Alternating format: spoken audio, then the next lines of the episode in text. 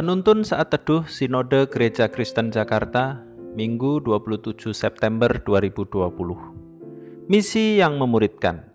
Yohanes 4 ayat 39 sampai 42. Dan banyak orang Samaria dari kota itu telah menjadi percaya kepadanya karena perkataan perempuan itu yang bersaksi. Ia mengatakan kepadaku segala sesuatu yang telah kuperbuat. Ketika orang-orang Samaria itu sampai kepada Yesus, mereka meminta kepadanya supaya ia tinggal pada mereka, dan ia pun tinggal di situ dua hari lamanya.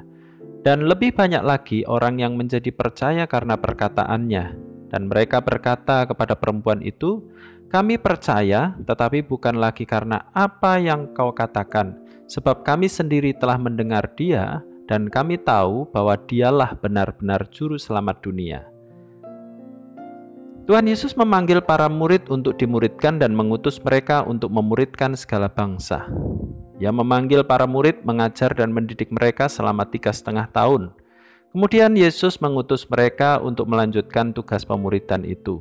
Misi Tuhan Yesus telah merobohkan tembok pemisah antara orang Yahudi dan orang Samaria.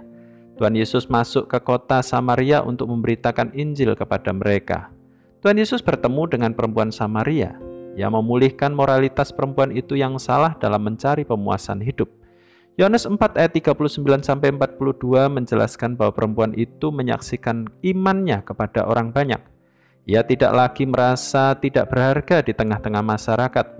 Ia tidak malu dan takut lagi berjumpa dengan orang banyak. Ia telah menjadi manusia baru seutuhnya. Sekarang saatnya ia harus bersaksi tentang perubahan hidup barunya setelah ia berjumpa dengan Yesus. Kesaksian perempuan ini sangat efektif. Banyak orang kota Samaria tertarik oleh perkataannya. Sesudah mendengar kesaksiannya, para pendengarnya ingin bertemu dengan Yesus. Seketika banyak orang Samaria menjadi percaya kepada Tuhan Yesus. Mereka juga mendesak Tuhan Yesus untuk tinggal bersama karena ingin mengenalnya lebih dalam lagi. Selama dua hari Tuhan Yesus bersama dengan mereka. Yesus mengajar mereka sehingga banyak orang yang menjadi percaya dan diperdalam imannya. Mereka mengenal Yesus sebagai juru selamat dunia. Misi ilahi Tuhan Yesus adalah menyelamatkan orang-orang yang belum menemukan makna sejati hidupnya. Kesaksian perempuan menuai jiwa yang meluas ke seluruh kampungnya. Kristus membangkitkan perempuan Samaria yang mati secara rohani. Hal itu kemudian membangkitkan kerohanian banyak orang dalam satu kota Sikar di Samaria.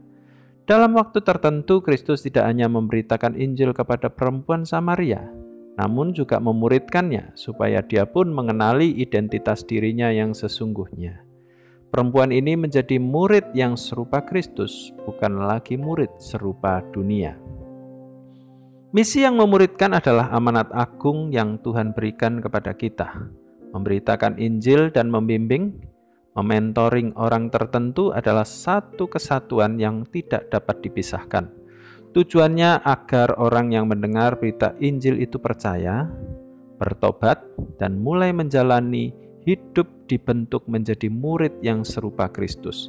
Sama seperti seorang anak yang harus dirawat, dibimbing, dididik, supaya satu hari nanti bisa menjadi pribadi yang dewasa. Demikian halnya dengan orang yang diinjili. Dia pun sangat perlu dirawat, dibimbing, dilatih dalam hal mengikut Kristus secara benar. Ini adalah bagian dari pemuridan yang dilakukan dengan tekun, sabar, supaya orang tersebut menjadi semakin dewasa rohani. Satu hari nanti, dia pun akan siap memberitakan Injil, bahkan juga memuridkan yang lainnya.